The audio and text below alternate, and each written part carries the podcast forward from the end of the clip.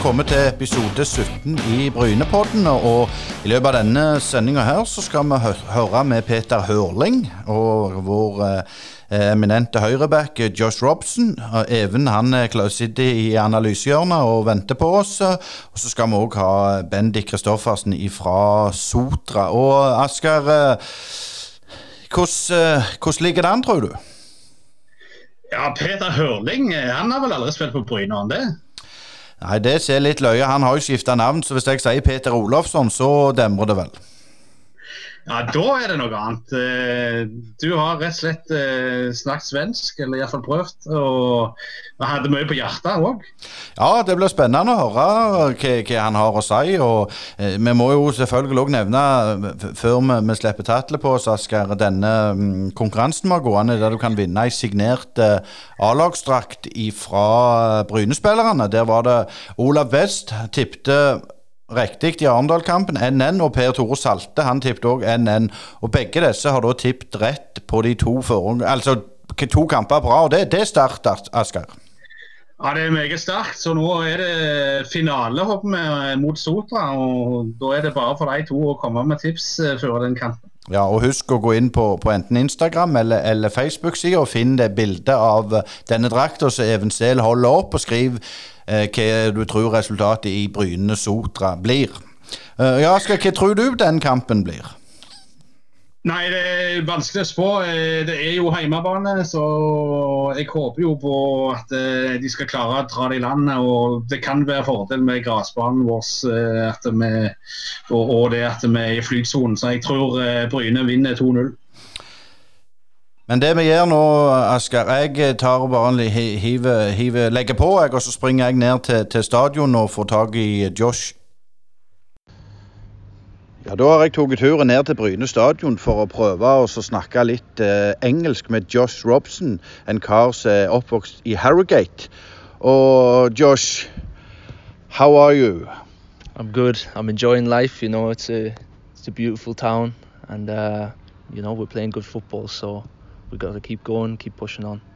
But you are uh, have many games for the youth team in Sunderland, and we in Norway we like the English football. So, tell me a little bit about that time.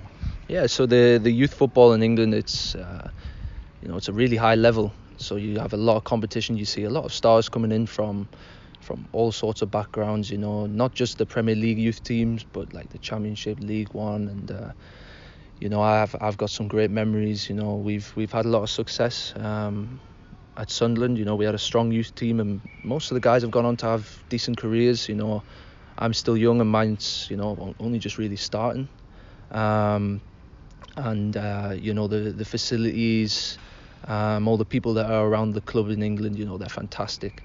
Um, you know, it's it's so professional, and it's it's really interesting for me because to come to Norway and still see all the professionalism here, uh, especially at Brina, is uh, it's really interesting, and it's good to compare the two because uh, you know I've I've I've been really privileged to be in uh, in the English background, um, and you know to come come to a new country and you know see what I've seen and be able to relate back to home. It's it's fantastic. But um, many will ask why you don't play in the English uh, leagues, the lower leagues. Why why you go to Notodden at that time? Yeah, so um, when I first went to Newton, um, you know, I was first there on loan, um, and it was during a tough time for Sunderland also. Um, you know, a lot a lot of players, you know, they need to go and you know find their careers because you know things weren't working out at Sunderland, and it was it was it was a tough time for everyone. Um, and I think as a lot of people are seeing now, you know, a lot of players are starting to move abroad because there's a lot of, you know, opportunities. It's, you know, it's an exciting adventure for us. Um, and to be to be able to go to a new country and do the thing you love is, you know, it's for me personally, it's ideal because I get to see completely new things. I get to meet new people. You know, hopefully one day I'll uh, learn the language. But uh, you know, I, I have no complaints. I would never regret coming to Norway. Um, you know, I've had, you know, this is my third year here, so I'm really content, and I have no, I have no reason to go back to England now. So, so you don't have the dream to, to play in the Premier League now? Uh, everyone has the dream to play in the Premier League, but uh, you never know. You never know. Football's a crazy sport, and you know if it if it miraculously happened, then uh, then yeah, of, of course I'd have to take the opportunity. I think I think any player would be stupid not to really. But back back to the game in Arendal, uh, you you taken off at half time. You you struggle a little bit with this um, uh, footy players at Arendal. Yeah, you know it was a it was a tough game for, for everyone. We knew we knew when we got there it was going to be a tough battle. You know they're they're going to be up there all season. Um, and on a on a personal level, level you know, I was uh, I was quite sick before the game, so uh, I knew I knew the first half would be a struggle regardless. Um, but uh, yeah, I came off at half time. I wasn't I wasn't at my best. I knew that.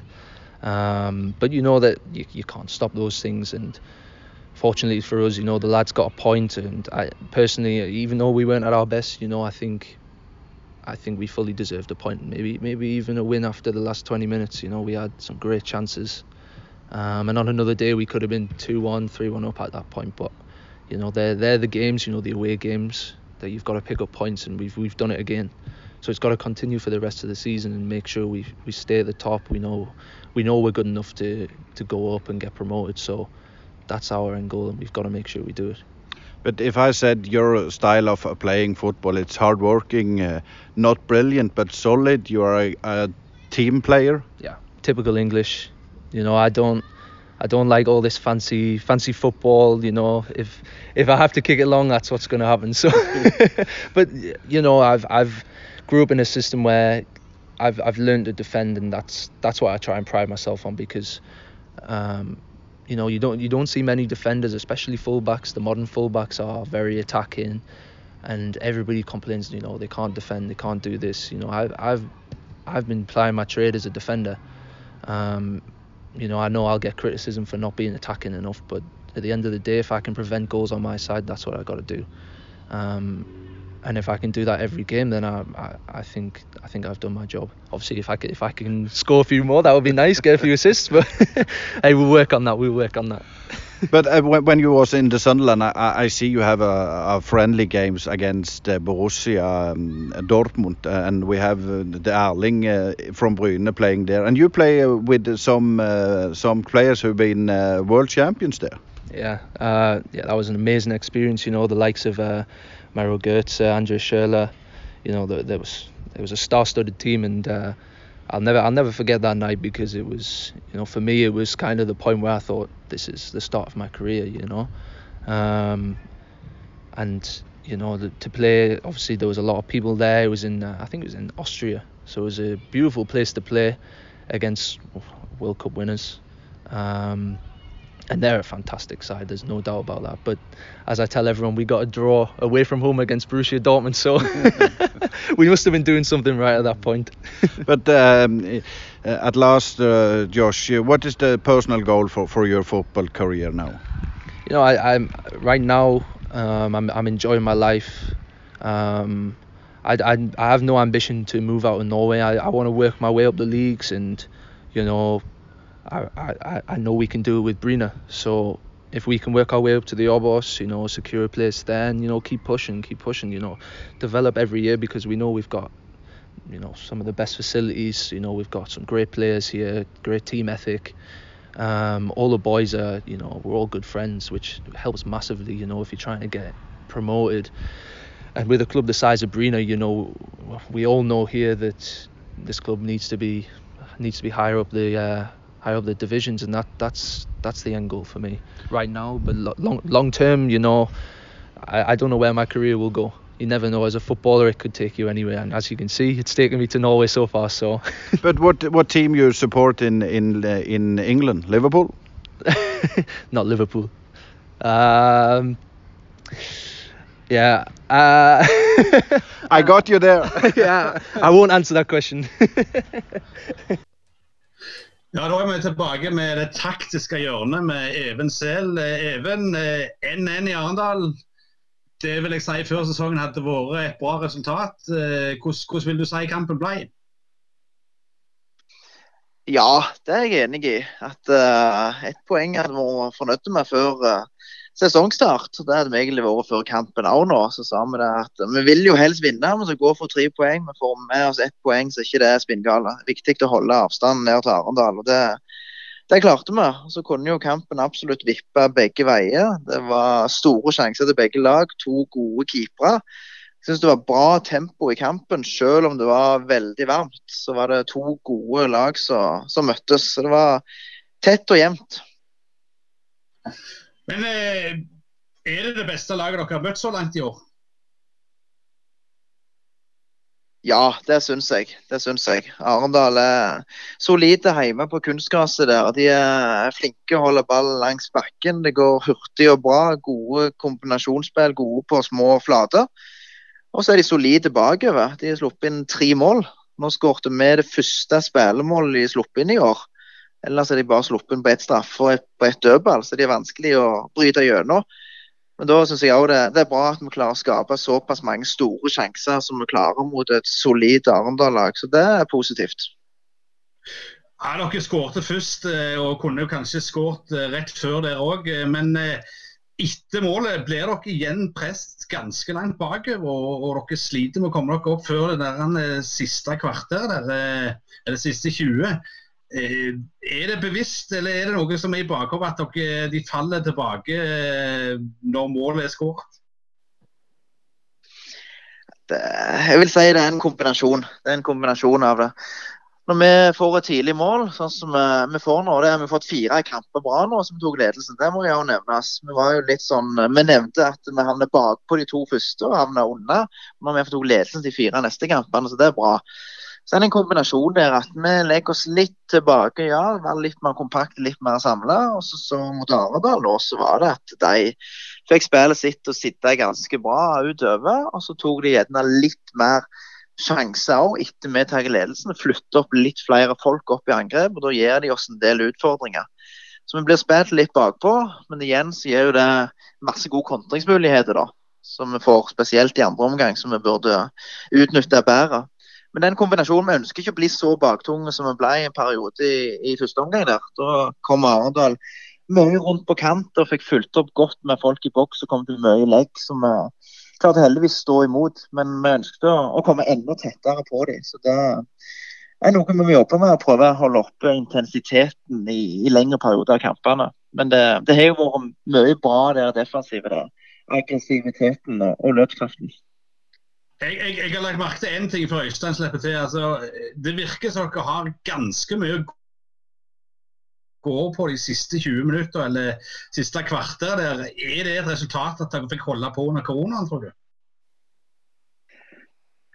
Ja, det er nok en medvirkende årsak. At vi fikk trent jevnt og trutt og fikk eh, vedlikeholdt eh, utholdenhetsbiten i den perioden der. Absolutt.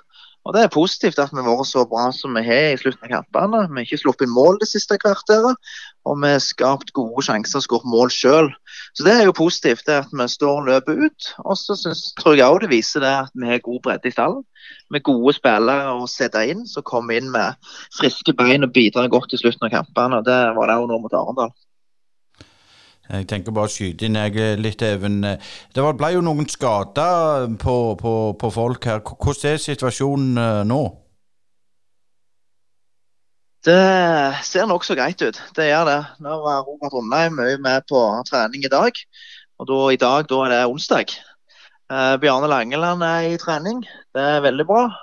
Rogvi Balvinsson er ikke med med ball akkurat nå, men det er god framgang. Så det er nå enda noen dager til lørdag, så han kan fort bli klar, han. Så det, det er ikke så spinngale, selv om det ikke så så godt ut når vi måtte ut tidlig der og Robert også måtte ut. Men uh, vi håper det at de blir klar relativt kjapt. Ja, Nå var jo vi i Brynepodden og kommenterte kampen, og da fikk vi jo veldig tydelig se hvordan dere hadde tenkt å spille. og det, Å få to bytter i bakre firer, det er jo aldri gunstig. Og det ble jo litt sånn shaky en liten periode der. Ja, de presset oss litt grann, eh, en periode, Arendal. Jeg tror ikke det er så mye å gjøre med akkurat det byttet vi gjorde da. Men eh, uh, du sier det er aldri optimalt å bytte for mye for tidlig. Både med tanke på ja, det kan bli litt ustrukturert, og at vi må gjøre byttene tidlig i kampen. Og Det måtte vi gjøre nå når vi tok det siste byttet med Daniel Karlsberg inn for Europa. Så hadde vi ikke mer å spille på.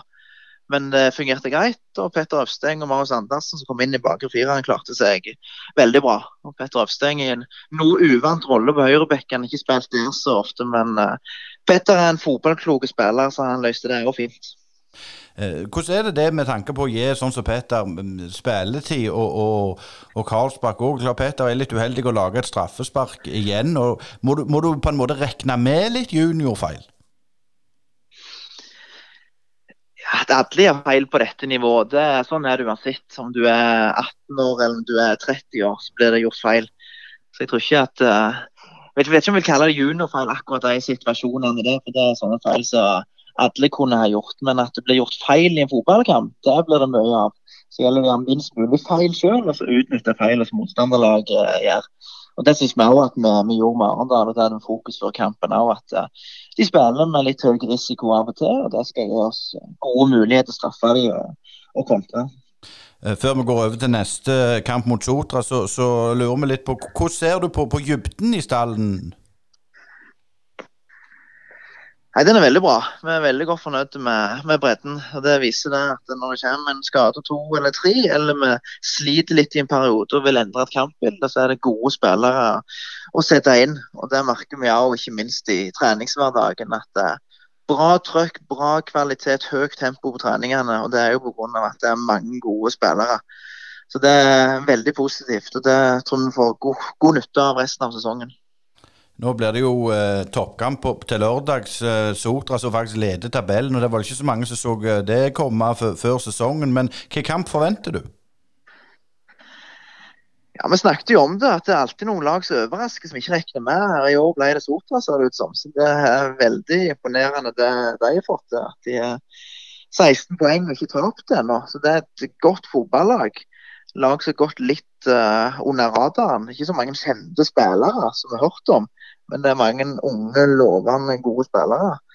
Eh, spillende lag tør å spille, og det lykkes de med ofte. Og så er det av og til de mislykkes òg, så vi håper at de mislykkes litt på lørdag med den spillemåten de har. At vi kan være aggressive, gode i presset og straffe dem og få noen gode kontringsmuligheter. Og så må vi regne med å styre spillet. At Sotra legger seg litt bakpå. At vi får ha en del ball i, i store perioder. Og Da gjelder det å høyt balltempo og stor bevegelse og, og få spillestilen vår til å sitte. Så Da skal det være gode muligheter til, til seier. Så vi skal ha tre poeng på lørdag. Nå er det jo eh, Samuel Nahr spilte i Bryne vel i, i fjor, og, og mot Arendal så var det, så var det Omar som brente straffe. og Det er mye som har vært i Bryne. og hvor, hvor spesielt er det å møte gamle kompiser? Det er bare gildt det å, å treffe det igjen og ha en løs, god prat før kamp og drøse litt etter kamp når det er mulig. Så ønsker vi jo alltid at de som har gjort en god jobb i Bryne, skal lykkes i andre klubber. Men de trenger ikke være gode i de kampene mot eh, Bryne. Så det var jo Omar Bonde straffer, men jeg syns Omar var, var, frisk og gjorde en god kamp ellers. Så. Men det var god retning av Igor. Omar har skjøt mange straffer på Igor de siste to åra, så jeg tror han hadde god kontroll. Så vi får håpe at eh, Samuel Nahr eh, lykkes godt i Sotra. For han gjorde en god jobb for oss i, i fjor høst, men han trenger ikke være god eh, og lykkes på lørdag.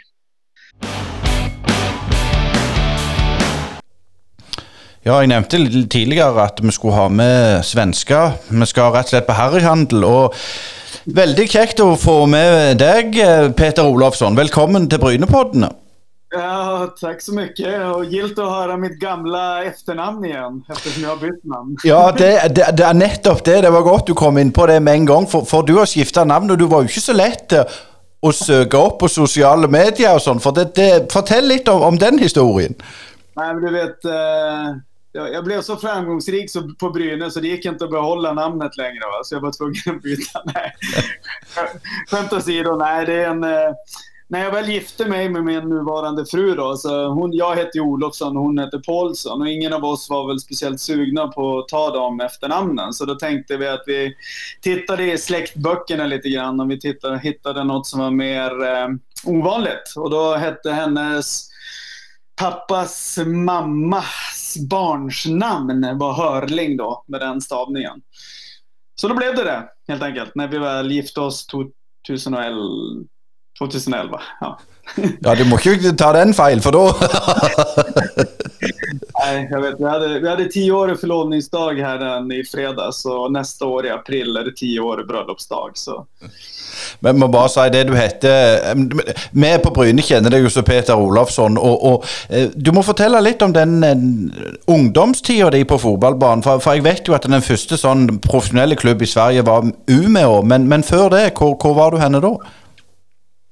Ja, alltså jag kommer ju från Vännäs som ligger en halvtimme utanför Umeå. Och spelade ju egentligen alla sporter som jag tror existerar under hela min ungdom, vilket eh, är ju något som jag är jag säger man, strong supporter av. Se till att hålla på med så mycket man kan.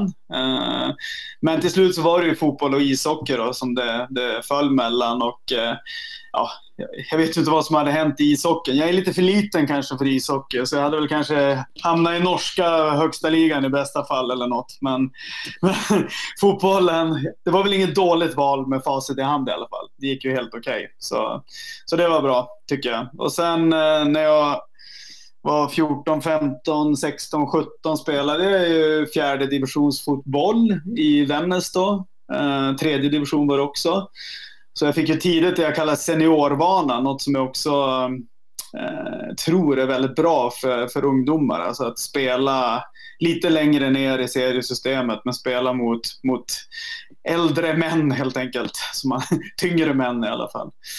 Men sen då vi, någon gång när jag var 17-18 där då så blev jag värvad över då till Umeå som vid det tillfället spelade i svenska division 1.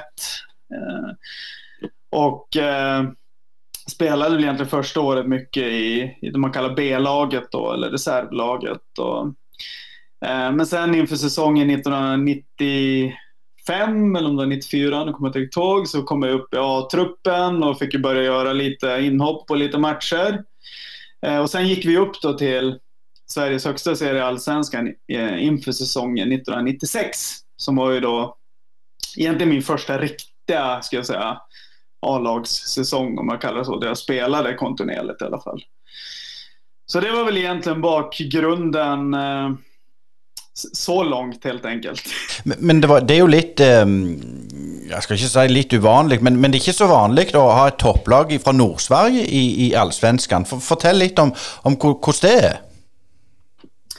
Ja, nej, alltså på den tiden var det absolut inte vanligt, utan det lag som egentligen hade varit i och är i allsvenskan frekvent är ju GIF Sundsvall. Men GIF Sundsvall ligger ju vad är det, 10 mil söder om Trondheim med norska mått mätt. Så det är ju, det är, i, I Sverige är det långt norr, men i Norge hade det inte varit någonting om man säger så. Då. Men om man tittar ovanför GIF Sundsvall och framförallt ovanför Östersund då, som har varit uppe de sista åren så så är det Umeå 96 och eh, Luleå vid något tillfälle på 70-talet. Äh, ja, långt tillbaka i tiden i alla fall. Så att, eh, det är extremt ovanligt. Så det var ju eh, också en säsong som var väldigt bra faktiskt sett till vad, hur vi presterade. Men så fick jag ett väldigt tråkigt slut då när vi åkte ut serien på bortamålsregeln i kvalet helt enkelt. Uh, vi var, jag tror vi var det lag som hade tagit mest poäng i allsvenskan som har åkt ur någonsin under det året. Så att, uh, det, det, var väldigt synd. Jag tror det var väldigt synd för Norrlandsfotbollen och väldigt synd för Umeå som klubb vid det tillfället. För det blev, det blev en ganska lång uppförsbacke sen faktiskt, som vi egentligen aldrig kom upp för igen. Utan uh, det har harvat mycket i tvåan, ettan. Nu är dock Umeå tillbaka i Superettan det här året, vilket är jättekul. Så jag hoppas verkligen att de har möjlighet att hålla sig kvar i alla fall, så kanske man kan bygga någonting nytt som kanske på sikt kan, kan eh, innebära allsvenskan då, tänker jag. Men du följde de väl ner det året? Nå snakker vi om i, nu är jag lite osäker, var det 98 detta? Du tänkte Umeå eller? Ja. Alltså jag spelade ju från 94 då kan man säga till jag gick till Brynäs då där i juni 2000. Och det är klart 96 var jag allsvenskan. Sen 97, 98, 99 var ju division 1 fotboll. Men det var väl 98 till exempel var väl ett av mina bättre år i karriären om vi säger så. så eh, och 99 var väl okej okay också men det gick lite sämre för laget. Så så det var väl ganska bra år. Det var, vi var topplag i, högst, i division 1 i, i Sverige helt enkelt. Då. Och sen slogs ju svenska division 1-serien ihop till en serie inför säsongen 2000. Eh, och det innebar ju då att, som det alltid är när man ska slå ihop två serier till en, att nedflyttningsstrecket hamnar inte på de sista två, det hamnar på de sista tio. så att även om vi kom sexa eller sjua tror jag det var där 90, om det var 99 var det nu då, då så var det på gränsen att vi inte tog oss till superettan. Men det ska jag nog vara glad för, för det innebar ju att eh, säsongen 2000 då, det året jag blev värvad av Kenneth så, till, till Brynäs, så, så spelade jag i superettan och spelade faktiskt en första match, en av de första matcherna som Zlatan spelade i svensk elitfotboll. Uh, mötte jag han faktiskt. Vilket är, är väl det enda kuriosa som de, de unga bryr sig om idag, höll jag på att säga. Och du spelar mot Zlatan, typ.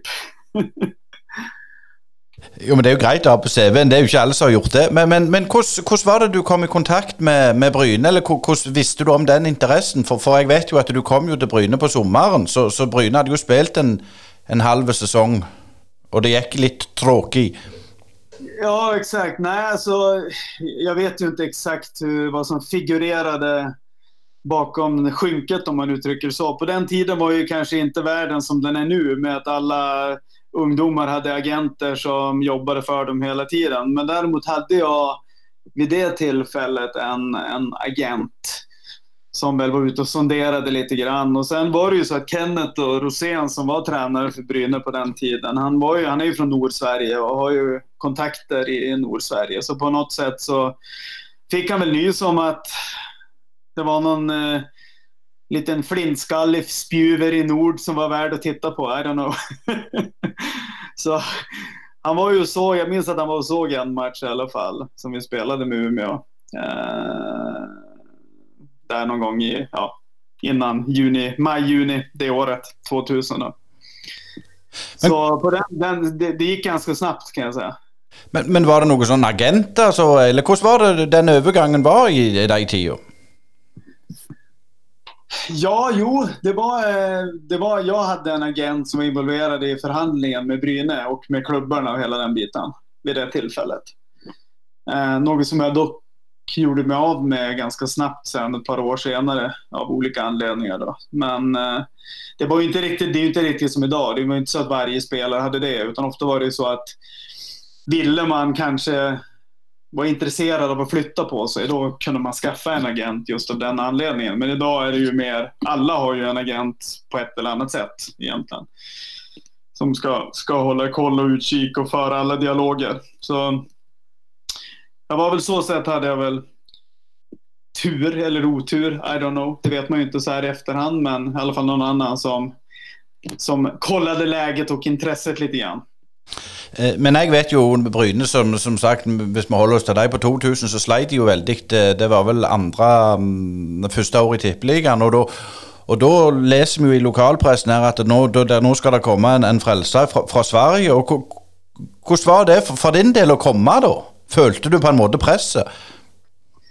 Altså, jeg tror uh, skilja lite på vad jag kände innan jag kom dit och kanske så här med reflektion i efterhand lite grann då. Och, och det som kanske man kände efter ett par månader. Men um, när jag kom dit så jag, menar, jag, var, jag, var i, jag var i bra form och hade presterat bra i första division eller superettan i Sverige. Och, om jag, jag tror till och med att det började, det första jag gjorde tror jag var att jag la en straff mot Eik Tönsberg i kuppen. Jag hade väl knappt spelat en minut och jag gjorde ju mål på den så det var ju skönt det. När det första gången du rör bollen typ. Så, så så sätt var det ju bra men eh, det som jag eh, upptäckte ganska snabbt vid det tillfället var ju att skillnaden i tempo mellan svensk första division och eh, tippeligan var ju gigantisk. Och om du plus det lägger skillnaden i hur svensk och norsk fotboll var på den tiden, vilket jag vill säga var, är mycket större än vad den är idag. Idag tror jag den är lite mer lik i alla fall. Eh, så blev det ju lite av en chock faktiskt, första tiden. Just med att att, att, att, att, hålla sig, vad säger man, hålla sig på banan. Nej, men det, det, gick snabbt och för snabbt ofta. Jag menar, det var väl norsk fotboll i ett SE. Det, var, det gick jävligt snabbt, ofta lite för snabbt på den tiden. Så, och Rosenborg lyckades hantera det på bäst sätt och därför vann de varje år ungefär. Um, men men ja. når, du kom til Bryne, så, så, var väl Anders Friberg och Jonas Jonsson där allerede? Ja, precis. Det var väl då, ja det var Kenneth, Jonas och Anders och så kom jag. Precis, stämmer jag. Ja. Och sen kom ju ett par till i, lite senere. Det. Ja, det skal, vi skal snakke litt om det litt seinere, men, men, men, nå har jo eh, jeg lest meg litt opp her, og det, det står jo det at uh, fansen og sånn murra litt etter noen måneder, for, for de, var, de var rett og slett ikke helt fornøyde med deg? Nej, nej, det är ju så. Jag, men jag har ju ett par sådana här klippingpermar här som mina föräldrar och jag själv satt med också, som jag kanske inte tittade på så mycket på den tiden. Då.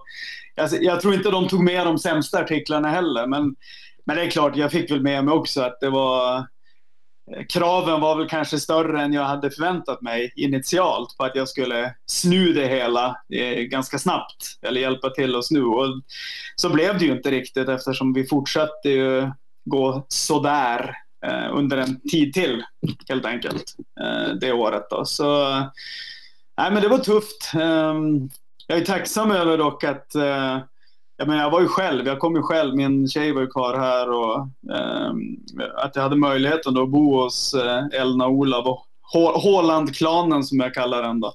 Den andra Håland-klanen. Eh, ja, de är väl släkt allihopa på något sätt, men jag kan inte alla släktband här. Men... Nej, det är mycket inavel på Jæren, vet du. ja, det kan ju bara vara att det är en liten ort med många som känner varandra och släkt också. Who knows? Uh, men eh, det, var, det var ju väldigt bra att jag hade lite trygghet där, för jag tror att suttit på ett hotell under de månaderna och inte då hade jag fått hotelldöden på riktigt och då kunde det nog gått um, sämre än vad det gjorde. Eller i alla fall svårare att snu det hela om vi säger så. Ja, för, för, för, men det sagt, jag tänker, nu betalte väl Bryne två miljoner för dig. Var det något du visste och var klar över den gången? Nej, nu var det faktiskt inte så mycket. Det var mindre. Det var väl närmare hälften i alla fall. Så, eh, om inte jag missade en miljon någonstans. Men det var ju en agent involverad. Who knows? Maybe han, han tog den sista miljonen. Ska inte gå väck ifrån det, nej. nej, precis. Nej, men det var, det var ju ändå en ansenlig summa på den tiden. Jag ja. menar, det har ju gått snabbt på, på den fronten. Och, eh, och för en klubb som Brynäs i det läget de var och så, så var det ju mycket pengar. Så att, eh, jag förstår ju att kraven var höga, speciellt från fans och liknande. Att nu, nu händer det grejer direkt här. Så. Men, men når på en måte følte du at nå, nå er jeg på gang? For, for, altså, for, til ditt forsvar, du kom jo midt i en sesong, og, og, det er jo ikke lett i et nytt lag. Ny spillestil, ny plass. Men tross alt så begynte du å, å skåre mål ganske tidlig. Og det gikk vel tre-fire måneder, så, så, var du vel den som Bryne ønsket du skulle være? Ja, eh, jag tror att det är en ganska enkelt svar faktiskt så här med facit i hand också. Det är, eh, nu kommer jag inte ihåg exakt hur det var där, men var det inte så att Kenneth... Eh, jo, jag har att Kenneth gick väl på hösten där och så tog, eh, vad heter han, eh, andra tränaren. Reine Almqvist? Nej, Reine kom ju inte då. Reine var ju senare. Men eh, hade vi inte, ah, vad heter han, Kaisers Orkester-pappan? Rune. Rune Ottesen ja. ja. Ja, ja, Jag tror han tog över ett tag där och så la vi om från 4-3-3 till 4-4-2. Eh, och så hamnade jag ju då med Rune på topp. Eh, och det gick ju ganska bra. Vi passade ju väldigt bra ihop. Och 4-4-2 var ju ett spelsystem som jag var väldigt bekväm med jämfört med kanske den norska 4-3-modellen då som jag kom till. Eh, så jag tror att allting föll på plats lite grann med att den justeringen gjordes, vi ändrade lite spelsättet och jag hamnade i en, i en roll som jag trivdes bättre i. Och det var, jag tror till och med det var, om jag inte minns fel, så var det väl första matchen vi bytte var mot Tromsö hemma och vi vann ganska stort och det gick ganska bra och sen rullade det mest på, på den fronten då. Det året. Ja, Imponerende alt du husker, for det var det jeg skulle til å si. Den Tromsø-kampen, om det snudde, da. Det, det gjorde det. Men, men, sånn videre med, med, med, din karriere. Ehm, det ble jo òg ehm, cupfinale på deg. Den eh, starta du vel riktignok på benken, men? Det stämmer väl också. Ja, det var väl det tråkigaste med, med, med hela den grejen. Men generellt sett så var ju det en... Eh, för det var ju året efter, va? Det var 2001, eller hur? Det vet väl du kanske bättre än mig. 2001. Cupfinalen mot vi. Jo, jo, jo. Mm. Ja, exakt.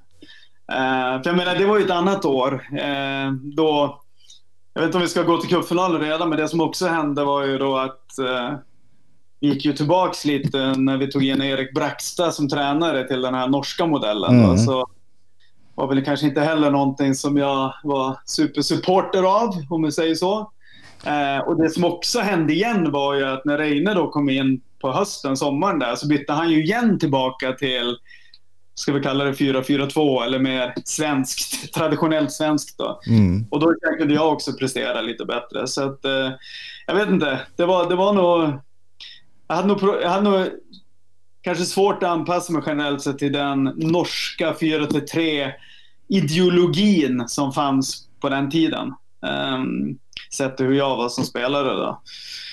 Och det innebar ju sen då, jag menar cups, det cupåret, hela 2001-året var väl också ett ganska utmanande år. Vi höll ju till i botten. Men då, då, då må jag bara avbryta, för jag, jag tänkte jag skulle finta deg ut och snacka om cupfinalen lite för tidigt. För, för detta, för, för detta Eh, så var det jo eh, Du var jo en av eh, noen svensker, men, men der kom jo i en søkk og kav med det Jan Pavlovic jeg Nå klar, husker ikke jeg navnet på alle, men der kom jo utrolig mange. og, og hvordan var det for, for deg som allerede var der? Nej, men alltså det, det, är klart, vi hade väl som mest var det väl, jag tror nu vi, undrar om vi alla var där samtidigt, men undrar om Anders, Jonas, jag. Marcus eh, Andreasson. Marcus Andreasson, Pierre Gallo, Dejan Pavlovic, Johan, Johan Paulsson yes. och så hade du Reine som tränare. Jag tror inte Jonas var där när de andra kom, men jag tror vi var sex stycken som mest eller någonting. Fem eller sex stycken.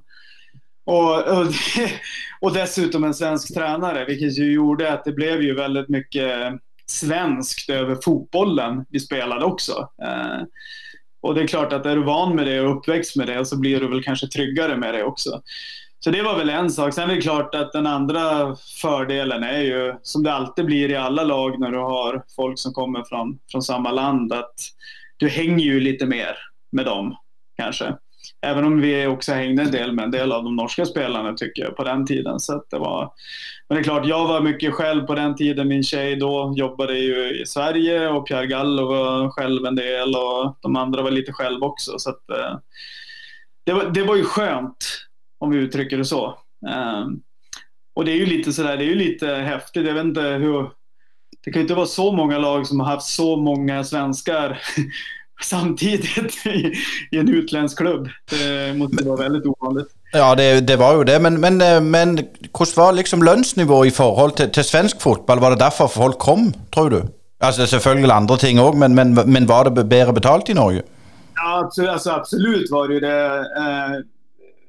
Med, med, reservation igen och säga att eh, den lönen vi snackade om på den tiden var ju något helt annat än vad kidsen har idag. Det har ju också blivit något förändrats. Men alltså, det, det skulle jag säga. Det var, det var väl två aspekter. Jag skulle generell, generalisera så skulle jag säga att det var dubbel lön i Norge under slutet av 90-talet, början av 2000-talet kanske. I don't know.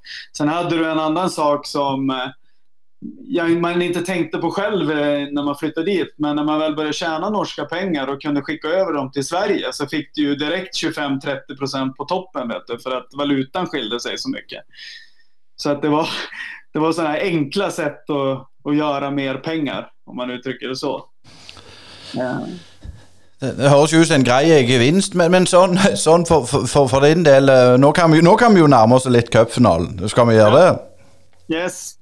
Hvordan var den reisen til, til å nå den cupfinalen? Det var jo mange kamper før det, og jeg personlig husker jo semifinalen mye bedre. Finalen var ju inte så kjekk. Nej, precis. Nej, men det gör väl jag också. Det var ju en fantastisk eh, match på många sätt. Eh, ska jag väl säga. Och även, alltså jag tror ju så här att det är också en skillnad mellan Sverige och Norge. Att Sverige har ju alltid haft utmaning med att få cupfinalen att vara något viktigt.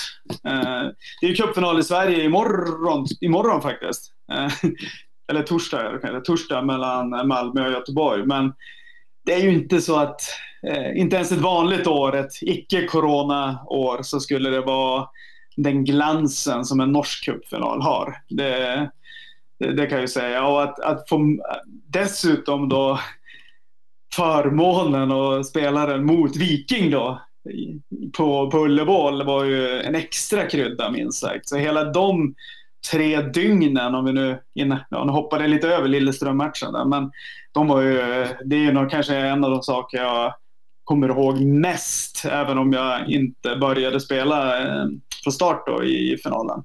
Kanske hade gått annorlunda då, who knows, men, eller om jag hade gjort det. Men vi kan ju säga så i alla fall. Jo, men säg det. Jag tror också det hade blivit mycket bättre där. Men, men, men ähm, du var ju med på, på, på, på, semifinalen, och då var det en väldigt... go i laget. Och vi snackade lite med, med Roger Eskeland, som var keeper då. Han, det han var, liksom sa av, av, av, karriären sin, att han var mest imponerad av den kvalikkampen på, när du klarade att resa dig. etter ett tap. Vad tänker du om det? Just det, det var den mot uh, Ham, Hamkamba. Ja. Just det, precis. Ja, alltså det är väl egentligen, och det, det, det, kan jag väl delvis hålla med om. För att uh, vi gjorde ju en till sån grej som jag kanske skulle vilja påtala. Det var när vi hade var uppe på Lärkendal och förlorade med 9-0 2002 eller vad det nu var. Det var väl året efter tror jag. Uh, så jag skulle säga att anledningen till att vi sen slog Vålerengen hemma, vilket vi var tvungna att göra, var att vi lyckades ställa om mentalt och var så otroligt besvikna på den insats vi hade gjort eh, uppe på Lärkendal. Då. Och det var lite samma grej med, med cupfinalen ska jag säga och kvalikkamperna som kom där. Så samma, och, och, det är ju en otrolig styrka naturligtvis. Det är, det är ju tråkigt att man måste förlora med 9-0 eller förlora med 3-0 mot Viking i cupfinal för att mobilisera. Men samtidigt är det ju också en styrka att kunna göra det. Och det är väl bara att konstatera igen då. Jag menar, det fick ju Lilleström känna av i semifinalen. Och det, jag vet inte om det fortfarande är så, men under alla år som jag var på Bryne så var det ju så att Brynäs stadion, som, som ju inte var en stadion, det var en fotbollsplan med lite läktare om vi uttrycker så. Eh, det var ju ingen som tyckte om att spela där, så var det ju. Alltså motståndare. Det var ju, kom man dit så var det ju pest från början och det lyckades ju vi utnyttja ganska väl. Samtidigt så blev vi ju, ja, vi var ju lika, då, lika bra som vi var hemma, lika dåliga var vi ju borta under den perioden av olika anledningar. Så det var det. Det är svårt att säga, men den, den atmosfären och det här uh, this is our temple-feelingen som fanns på Brynäs stadion, den var ju enorm. Ja. Så ja, häftigt. Mm. Jeg lurer på om jeg skal gå videre, eller om jeg skal, om jeg skal stille noen spørsmål. I den tida i Bryne, da, hvem, hvem var beste medspiller? Uh, ja, alltså, nu var jag var ju tre år där, så det är klart att uh, när jag kom till Bryne det, är ju så här, man har ju bra spelare och favoritspelare. Men en bra Rangvall, Rangvall Zuma var ju fantastiskt ung, men han var otroligt duktig också. Man märkte ju att han skulle bli något bättre, helt enkelt. Eh, redan då, så det var ju ingen snack. Men, men alltså sen... Einar, Einar Braut, det är svårt att inte gilla Einar Braut som fotbollsspelare. Jag menar, eh, det är svårt att inte gilla Knut Sirevågs högerfot, om vi uttrycker det så, så här, om man ska ta detaljer. Eller Rune Medalens eh, käst. det var ju väldigt viktigt för mig framförallt när vi gick upp och spelade 4-4-2. För det är ju att ha en sån typ av spelare som, som, som kan hålla bollen och som man kan kan vara god macker med, heter det väl på norsk till och med, va? Tror jag. Mm, mm. Eh, de små grejerna jag, jag, det, var många, det var många som jag tyckte var duktiga på sitt sätt. Alltså. Så det, jag, tror, jag ska, ska vara helt ärlig tror jag nog så många mindre lag även idag lider av att eh, kunskapen, kvaliteten finns där men oftast är det mentalt kanske ja. man inte riktigt står upp mot de stora. Men, men, men med, med, fasiten i hånd så er det jo ditt navn som kommer fram. Det er Jan Pavlovic og Pierre Gallo den andre sesongen, som, som går igjen på at det, det var gode svensker for Bryne. Uh, er du enig i det? Ja, alltså nu, nu börjar jag med det, när jag kom till Brynäs, så är det klart sen när vi... Ja, unnskyld, jeg må, jeg må jo ta Markus Andreasson òg, men han gikk jo til Molde. Han, altså, han må vi selvfølgelig ta med, så jeg ikke går på en smell her. Ja. Nej, men, nej, men. Eh, eh, Dejan gjorde ju ett avtryck, for sure. Och Pierre är en fantastisk, eller ja, var en fantastisk fotbollsspelare. Så hans vänsterfot gjorde ju också enorm nytta. Så, sen tycker väl jag att, jag menar... Jag vet inte vad jag ska säga. Det är så, det, jag, jag, känner ju många av de här spelarna sen innan Norge också och vet vad de, hur de presterade i Sverige. Mm. Jag, har, jag har ju ganska, jag, jag, tycker väl alla har kapacitet på sitt sätt om man uttrycker det så. Mm. Men, eh, sen är det klart att en sån som Dejan då, det, är ju en, det var ju en personlighet också. Mm. Nei, det, det, er, det, er, selvfølgelig mange grunner til en, til en ikke lykkes, eller, eller føler en ikke lykkes, og fansen føler en ikke lykkes. Men, men du hadde vel øh, en, noen og 50 kamper, og du hadde jo en del mål. Altså, du, du kan jo slå deg på brystet at du skårte mye mål. Ja, det gjorde jag och det är väl någonting egentligen också som jag reflekterar mer efteråt. Att om man tittar då på den så alltså, yttermittfält, forwardsrollen jag hade. Jag tror jag gjorde en 15-16 eh, elitseriemål på 50 kamper och det, det är ju en ganska bra statistik om du även tittar på toppscorare helt enkelt. Ja, det är väldigt bra. Absolut. Exakt. Så, och dessutom vet jag att jag hade ganska många eh, scoringar i kuppen också utöver det. Så, så, det, så det, det är väl mer igen en reflektion man har gjort efteråt att den, den statistiken är väldigt bra. Mm. Och jag menar, jag, jag huskar ju även sen, ja, jag kanske kommer till efter på karriären, men jag, menar, jag har ju jobbat, eftersom jag jobbar i ett norskt bolag och jobbat mycket med norska människor, så framförallt i begynnelsen där var det ju många som visste vem jag var på riktigt, om jag uttrycker det så. Som, eh, Helt till du skiftade namn då? Och då var det kört. Men det var det jag menade. Jag var ju tvungen. Det blev ju sån uppståndelse. Va? Nej, det gick inte Stämmer det. Men, men, men, du ble jo bare altså Det var jo to og en halv sesong i Bryne, og så, så, så gikk du til, til, til Sundsvall. Exakt. Ja, nej, det var väl... Ja, men det var ju tråkigt. Jag minns, det mesta jag minns av slutet var ju att eh, Ronny Deila brack ju benet på mig eh, när vi mötte Odd Grenland hemma. Så jag fick ju inte eh, avsluta på det sätt som jag hade önskat heller. Så jag tror jag var borta de sista två månaderna nästan, eh, sista säsongen. Um, men eh, det var ju igen med facit i hand kanske man skulle ha gjort annorlunda. Jag har ju ny, ny fru och ny, ny, kvinna nu, men då hade jag ju min dåvarande tjej fortfarande som forskade i Umeå och var väl så att säga, det var lite svårt att kombinera eh, boendet på Bryne med, med hon här uppe då. Och då var väl kanske Sundsvall då som var det allsvenska laget i Norrland, det logiska alternativet sett till, till den situationen då, boendesituationen. Eh, så, så det blev ju så. Ehm, eh, ja, det är inte så mycket att säga om. Det var, jag, jag hade väl inget val som jag ser det. Nej, det stämmer. Ska, vi ska inte rippa upp i det. Men, men du fortsätter ju allikevel att skåra på fotbollsbanan. Ja, alltså jag hade väl... Eh, jag spelade ju tre säsonger i Sundsvall. Jag hade ju dock en väldigt olycklig första säsong eftersom att jag drog kors, korsbandet veckan innan serien startade och var ju väck hela, hela säsongen då. Men sen var väl egentligen 2004-säsongen var helt okej. Okay. Då, var vi väldigt, då var vi väldigt bra med Sundsvall. Jag tror vi kom sexa i Allsvenskan eller femma i Allsvenskan det året. Eh, och gjorde bra och gick väl okej. Okay. Eh, men sen 2005-säsongen då som, som igen var en ganska dålig säsong för laget Sundsvall var en väldigt bra säsong för mig. Eh, då jag skårade mycket och, och, spelade mycket och hela den biten. Då. Så det blev väl också en ganska logisk så säga, flytt igen. Eh, då jag också då var singel vid den tiden eftersom det hade tagit slut med min gamla tjej då, eh, som jag hade på Brynetiden då, att flytta på sig någonstans. Så då blev jag ju värvad av, eh, av BK Häcken då, mm. i Göteborg. Så jag flyttade ju dit inför säsongen 2006. Får hålla isär alla år här vet du. Så. Men, men det var i allsvenskan eller i superettan då? Nej, det var i allsvenskan. Häcken var i allsvenskan. Och vi hade väl ett, jag tycker vi, jag skulle säga så här, vi hade vid den tiden ett alldeles för bra lag för att åka ur, vilket vi gjorde det året. Men det har ju hänt många andra lag genom historiken att man tycker och tänker att det är så. Eh, men det blev väl egentligen ett ja, sådär år, skulle jag vilja säga. Det var väl inte några av mina bästa år i karriären, var väl inte de åren jag hade här i Göteborg faktiskt, eller i Häcken då, tyvärr. Eh, utan det blev väl det första året var väl okej, okay, men sen då åkte vi ur och så var andra året i Superettan eh, 2007. Fick börja spela lite mindre. Jag började bli gammal även jag, vet du, på den tiden. För inte tala om hur gammal man är nu då, när man var gammal 2007, eller hur är det?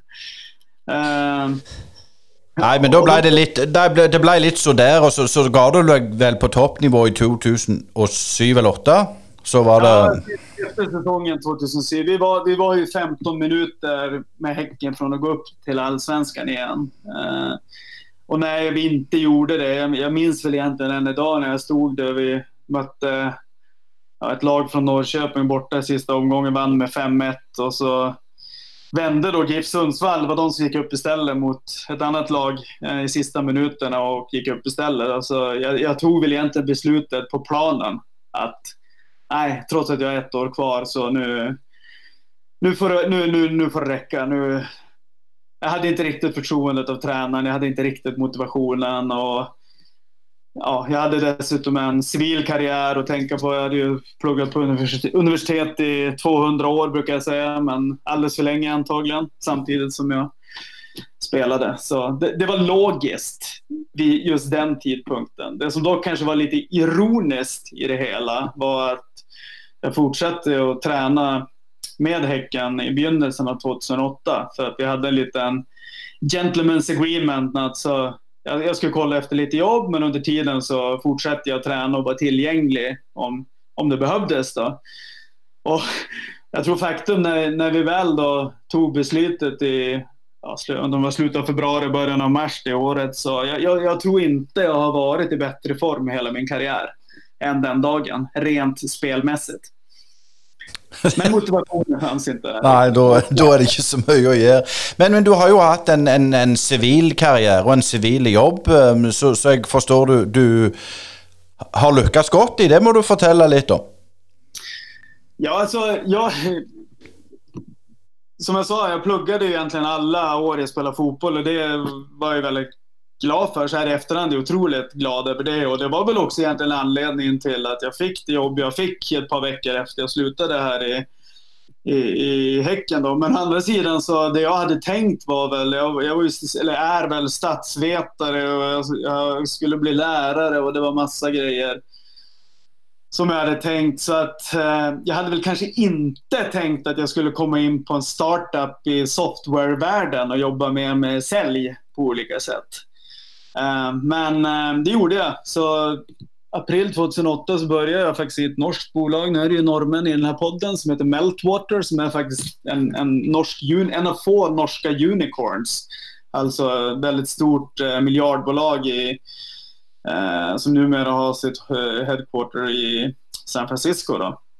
Eh, också ett av de absolut första softwarebolagen som någonsin, någonsin fanns där i slutet av 90-talet. Så det är en norsk kille som heter Jörn Lyseggen som grundade det. Och, eh, det jag minns egentligen att jag såg en anställningsannons där det stod att we are looking for people with academic or athletic achievements. Och då tänkte jag så här, ja men vad fan 15 år som professionell fotbollsspelare och 15 år på universitet. Fan om inte det här jobbet passar mig, då är det ju något fel. Sen hade jag ingen aning vad det här bolaget gjorde eller någonting. Det var bara...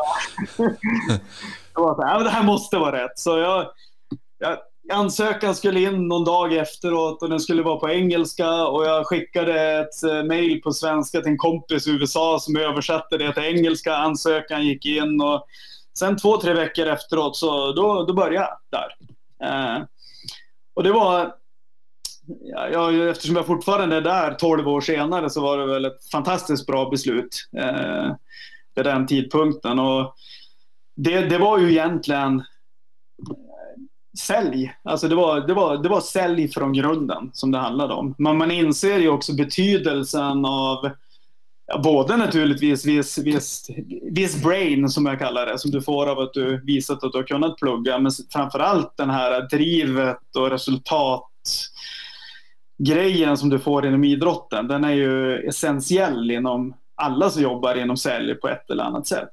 Så det gick ju ganska bra där också. Eh, jag hade, som i Brynäs, ganska liknande. Som när jag kom till Brynäs så hade jag tre dåliga månader. Men sen, eh, sen föll poletten ner helt enkelt. Och sen eh, gick det väldigt bra på olika sätt. Då. Och sen har jag varit de sista tolv åren i det bolaget i massa olika roller kan man säga. Då. Men sista åren har jag jobbat i en, med, som vi kallar då Enterprise Solutions, egentligen då, större globala avtal och, och kontrakt och liknande. Då. Eh, mycket med fokus på stora bolag i, i Skandinavien då, naturligtvis eftersom att jag bor i Sverige. Men... Spennende. Ja, men da er det jo bare til å søke om, om sponsormidler til Bryne-podkasten her, så, så ordner vi det. Så det, det, er ikke noe problem. Men, men, men, men, men har, du, har, du, kontakt med, med noen i Bryne-miljøet nå? Alltså jag var, Mm, nu var det ju några år, jag var faktiskt på Bryne för en fyra, fem år sedan. Jag hade lite möten i Stavanger på den tiden. Eh, så då åkte jag in och bodde en natt på Bryne och träffade eh, Einar och Kenneth Giske och Trond tror jag också var. Eh, så. Eh, annars är det ju som jag sa, det är ju sociala medier. Man hänger med lite. Eh, man har ju en del av de här olika sociala medier. och och så. Sen, sen eh, har jag faktiskt haft väldigt lite kontakt med eh, de svenskarna. Som, alltså Pierre och Anders och Jonas och Dejan och hela den, den högen eh, sista åren. Det har varit väldigt lite faktiskt. Men det, det är som det blir, vet du. Det blir det. Ehm, men, men det är klart, nu är ju eh, Bryne på, på nivå tre i, i, Norge, och nu har det ju startat väldigt bra. Men, men ehm, Følger du med på tabellen, eller är det så att eh, de klubbene du spelar för, det, det är historia? Nej, nej, det är nog ganska precis tvärtom skulle jag säga. Ja, men jag brukar alltid säga när alla frågar vad jag håller på för lag så brukar jag rabbla alla klubbar jag spelar i, för jag håller inte på några andra lag. Tyvärr. Så eh, det, det, är ju lite så. Jag, jag följer väldigt mycket med Häcken till exempel i Göteborg då. Som, eh, framförallt för att det är lite av underdoggen i staden också mot IFK Göteborg, vilket gör det ännu intressantare. Men samma sak med GIF Sundsvall och Umeå förstås och naturligtvis också med Brynäs. Så jag, jag har nog hängt med under alla år, Tyvärr har det ju varit mer, mer nedgång än uppgång sista ska vi säga, tio åren är det väl nästan i alla fall. Men mer än det kanske. Och inte du reste så gick det galet. Ja, det var du som sa det, så jag tänkte jag skulle inte säga det. men, men uh, Peter, tusen tack eh, för praten och att du ställt upp i, i Brynepodden. Så um, du är på, på Bryne och Jæren, så, så, må du ge besked. Och det etternavnet ditt det har slitit jag lite med. Är det Hörling? Ja, man uttalar det Hörling, alltså som att du skulle stava det med ett svenskt ö. Men uh, EU-stavningen är väl egentligen bara för att man skulle göra det lite annorlunda. Uh, du skulle vara lite mer exotisk, bara för att förvirra mig. Men Peter Hörling, tusen tack för praten. Ja, tusen tack själv. Och sen skulle jag också måste passa på att hälsa till de här då nu som alla, det kanske är någon som lyssnar av alla namn jag har nämnt helt enkelt. Och...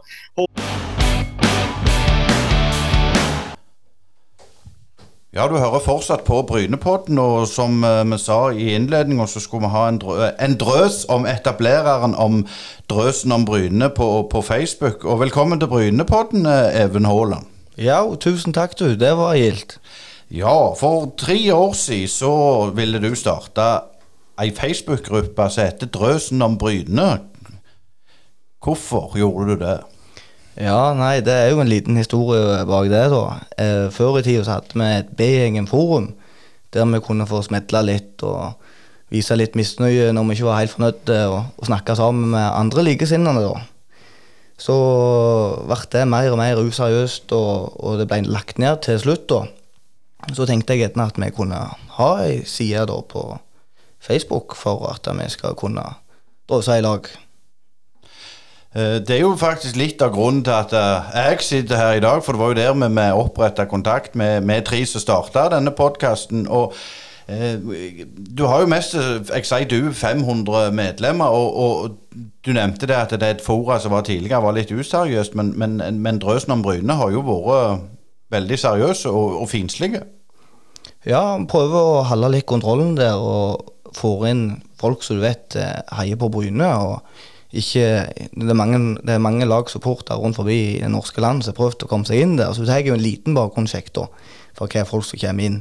Så det var tilbake i 2017, opp, når jeg oppretta den drøsen der. Så skulle jo det være opprykksåret, vi skulle jo rett tilbake igjen. Og så begynte vi litt Vi hadde en god start den sesongen. Men så begynte vi å gi vekk eh, en del seire sånn seint i kampene. Det var mot Byåsen vi ga vekk et dårlig Byåsen-lag 1-1, og så etterpå det så ga vi, ga vi vekk en 2-0-ledelse mot Fram Larvik. 2-2. Og da fikk jeg litt sånn kalde føtter, og jeg trengte liksom Jeg hadde litt å komme ut med, da. Så da tenkte jeg jeg må få ei sånn Jeg savna det forumet, da. Så hvis vi gjør det litt mer moderne og lager ei gruppe på Facebook, så tror jeg det der blir bra.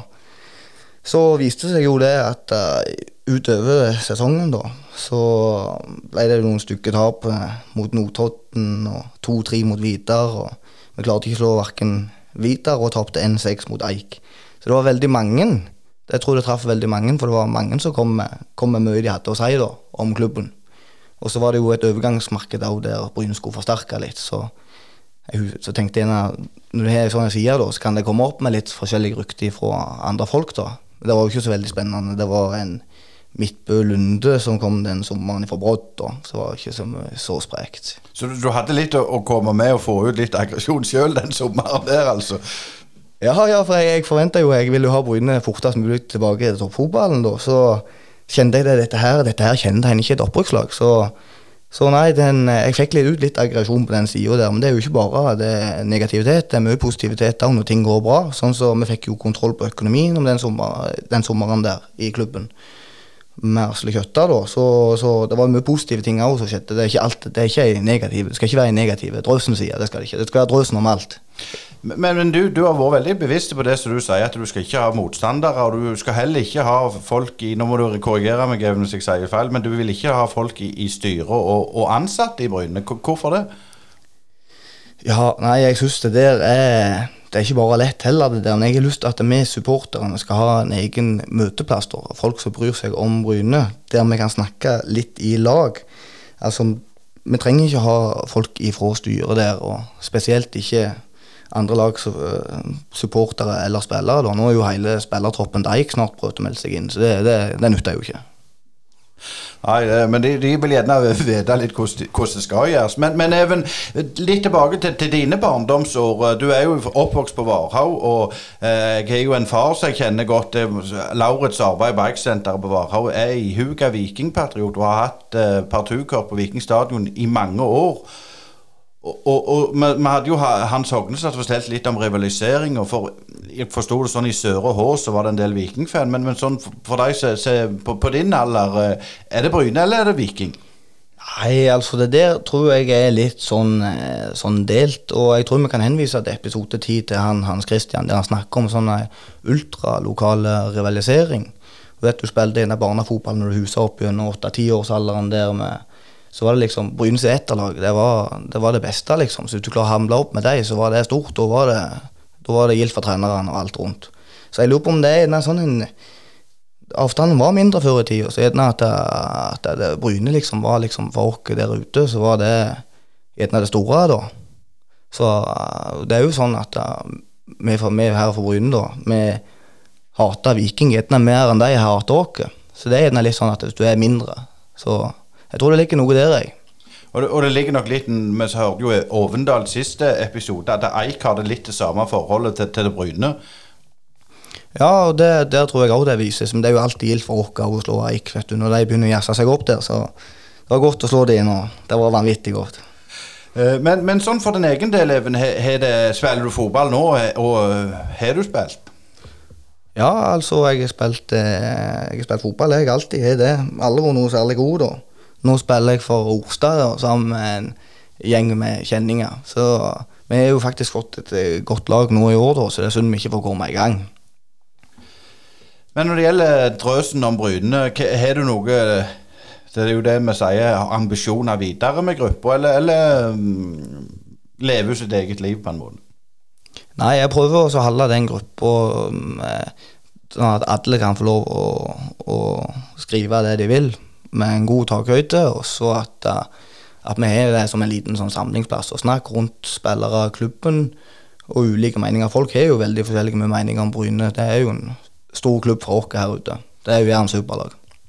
Eh, vi i Bryne-podkasten har jo òg oppretta ei, ei eh, Facebook-side eh, som heter Brynepodden. Så vi kan jo på en måte reklamere for begge. Meld deg inn i Drøsen om Bryne, og meld deg inn i, i Brynepodden. For, for hvordan reagerte du nå når vi gikk i gang med denne, denne podkasten? Nei, jeg syns det var grævla spennende, og det er vanvittig kult med med Brynepodden. Jeg har hatt med meg Brynepodden på biltur gjennom Norges land, og jeg har jogga i Sandtangen med Brynepodden, og jeg syns det er grævla gildt. Og jeg hører også andre folk som hører på Brynepotten og syns det er meget interessant. Så det er fantastisk. Så hvis Drøssen om Bryne, min Facebook-gruppe, har vært med og gjort dette her litt mulig, da, så er det helt fantastisk. Så vil jeg si det er vellykka arbeid. Det var siste intervjurunde vi hadde i episode 17. Og ja, skal, vi har jo eh, prøvd noe helt nytt i Brynepodden når vi var faktisk og sendte Arendal live. Og det var jo spennende, men det var grassat varmt. Ja, det var varmt for dere. Jeg hadde, eh, jeg hadde nok varmere temperatur ute enn dere. Jeg hadde 42 grader, men eh, jeg satt under aircondition, så da var det litt nymmere å holde på enn sånn som dere sto der i saunaen. og og svetta. Da måtte vel stå gjønnøkken til slutt. Der, ja, Det var mest så gale. Men det var veldig interessant å se Bryne. De var, de var gode, og, og, Arendal var veldig gode. Det, jeg, for min del er det helt klart det beste laget som Bryne har spilt mot i år. Og særlig Det var litt løye å se at Arendal har jo ikke sluppet inn spillemål, men de var litt sånn rufsete bak, så jeg forstår jo at de har to tap på, på, på rad. Ja, det òg, men, men, samtidig så er det jo sterkt av Bryne å klare å ri det i land. altså Det ene poenget der eh, Eh, det hadde ikke vært noe sagt på om Arendal hadde klart å skåre eh, sånn midt i kampen. Eh. Men så klarte Bryne å ta over igjen mot slutten, og da så det jo mer ut som Bryne skulle vinne. Men eh, det er jo et tegn på at det laget som ble tippet rett opp, altså Arendal det er ikke sikkert det er så lett for, for folk å rykke opp fra andredivisjon som mange tror. Og for oss, eller for Bryne sin del, så er det jo et kjemperesultat. Ja, det er helt klart. Og du ser jo to nyopprykka lag til på Snor, Sotra og, og Vard gjør det så vanvittig godt. Så fotballen er rund. Og så var vi jo innom eh, Sønderland Akademi òg i, i, løpet av sendinga. Ja, det, det, er veldig bra at du fikk eh, snakket litt med Josh eh, Robson. Eh, vi får ikke høre så mye av de der spillerne til vanlig.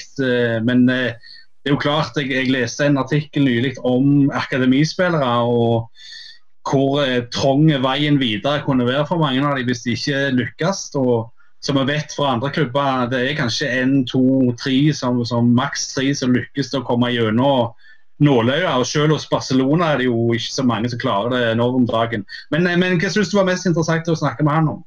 Nei, Det var det meste det han sa eh, på en måte off the record. Han sa det hvis du ikke var blant topp seks-klubbene i Premier League så, så, og var på akademi, så kom du, kom du, ikke videre. Han sa han, de spillerne han spilte med i Sønderland eh, altså Han var jo i Asdalen og spilte sånn eh, preseason-kamper. og det var ingen som kom vidare, Så säger jag, ja, men i league one och league two, då? Nej, där, där var nåløyet så beintøft, och det var väldigt mycket utlänningar som kom, så då fann han ut att det var för, bäst för hans utveckling att resa till, till Norge och Notodden i Obos den gången då. Så det var lite överraskande, Det hade jag inte trott att det var sån alltså.